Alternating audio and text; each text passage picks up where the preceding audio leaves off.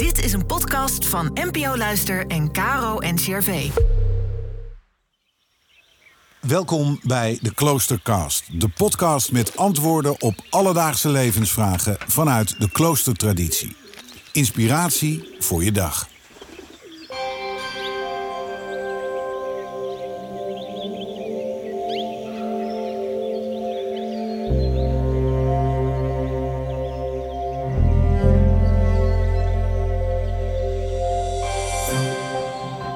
Guido van Bellen is abt van het trappistenklooster Maria Toevlucht in Zundert.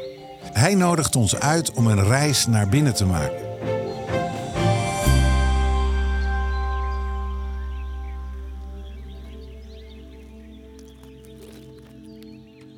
Op het domein van de abdij staat ergens in het bos een blokhut.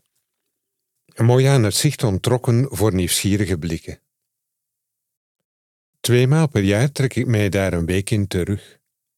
Zo'n week afzondering in de kluis begint met zowel binnen als buiten de blokhut van alle spindracht te verwijderen. En terwijl ik daarmee bezig ben, besef ik dat ik eigenlijk aan de gang ben met alle spindracht in mezelf te verwijderen om vrije toegang te kunnen krijgen tot mijn eigen innerlijke kluis. Daar ontdek ik de onrust, de ballast, de verantwoordelijkheden, de spanningen, de zorgen, maar ook de vreugde om vrij te kunnen worden van alles en iedereen. Geen gesprekken, geen e-mails, geen telefoons, geen vergaderingen, even niet. En om de toegang naar mijn eigen innerlijke helemaal vrij te krijgen, werk ik iedere dag in het bos. Tijdens deze arbeid kom ik uit bij mijn eigen nog niet verwerkte brokstukken. Dat is een signaal om te gaan zitten, om voor mij uit te staren zonder iets te zien, om te suffen zonder gedachten en om de leegte binnen te stappen. De stilte is allesbehalve overweldigend. In het bos is het eigenlijk nooit stil. Er is geen afwezigheid van geluid. Bij deze observatie merk ik dat ik onderdeel ben van mijn omgeving. Ik ben niet groter dan een mier en niet kleiner dan een boom. Ik ben zelfs niet ik, dat een kunstmatig wereldje is van gedachten, emoties, verlangens, opvoeding en wil. Krijg ik toegang tot het hart van de goddelijke werkelijkheid. Er is een afgrond, een ultieme bodem die mij wenkt om mij nog verder te ontikken en de sprong te wagen in het geheim van het universum, waarin alles en iedereen doordrenkt is van God.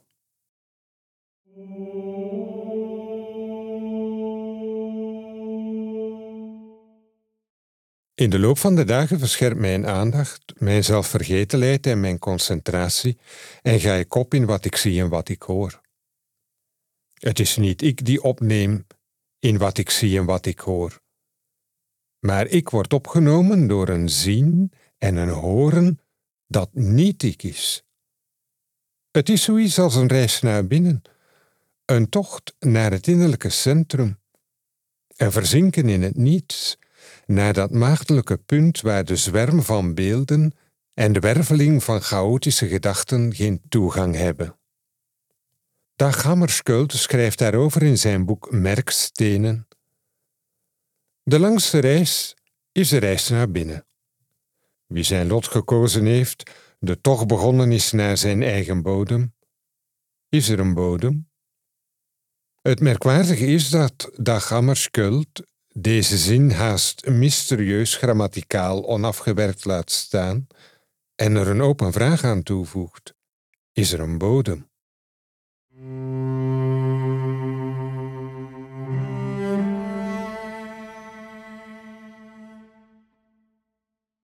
Als monnik heb ik de stilte, de eenzaamheid en de afzondering meer dan nodig om de wildernis, de zwijgende woestijn in mezelf op te zoeken. Hoe huiveringwekkend de stilte, dat vergeten, dit niet weten ook mag zijn, het is tegelijk vervulling en gerichtheid. Het is een soort innerlijke rust en vrede waarin ik als een mens kan wonen. Of zoals Theresa van Avila het zegt, waarin God de ziel doet wonen. De stilte is een brug die leidt van een versnipperd en druk bestaan naar eenheid. Een mens hoeft zelfs zijn persoonlijkheid niet prijs te geven, alleen de bolster om zijn hart. Want onze persoonlijkheid is beeld en kleur van de ene ware liefde. Die zachte kern, die kwetsbare liefde, zoekt de ontmoeting met God en niet de ontplooiing van het zelf. De ontplooiing van het zelf baart begeerten en ondeugden, die mij wegzuigen in de bekoringen en verleidingen van het ik. Wil God zich kunnen verwerkelijken, dan vereist dat een actieve liefde. En dat is niet anders dan de geestdrift voor de ultieme eisen van een liefde, waartoe het woord ons oproept. Verblijven in de stilte van de blokhut. U kunt het thuis ook oefenen en een reis naar binnen maken. Leer mij ook eens te zwijgen en te luisteren naar uw stem, en weet dat als ik luister, dat ik dan uw stem herken. In een nieuwe aflevering stelt Sister Senserleek Maria van Milo de vraag: wat moet je met al die gedachten in je hoofd?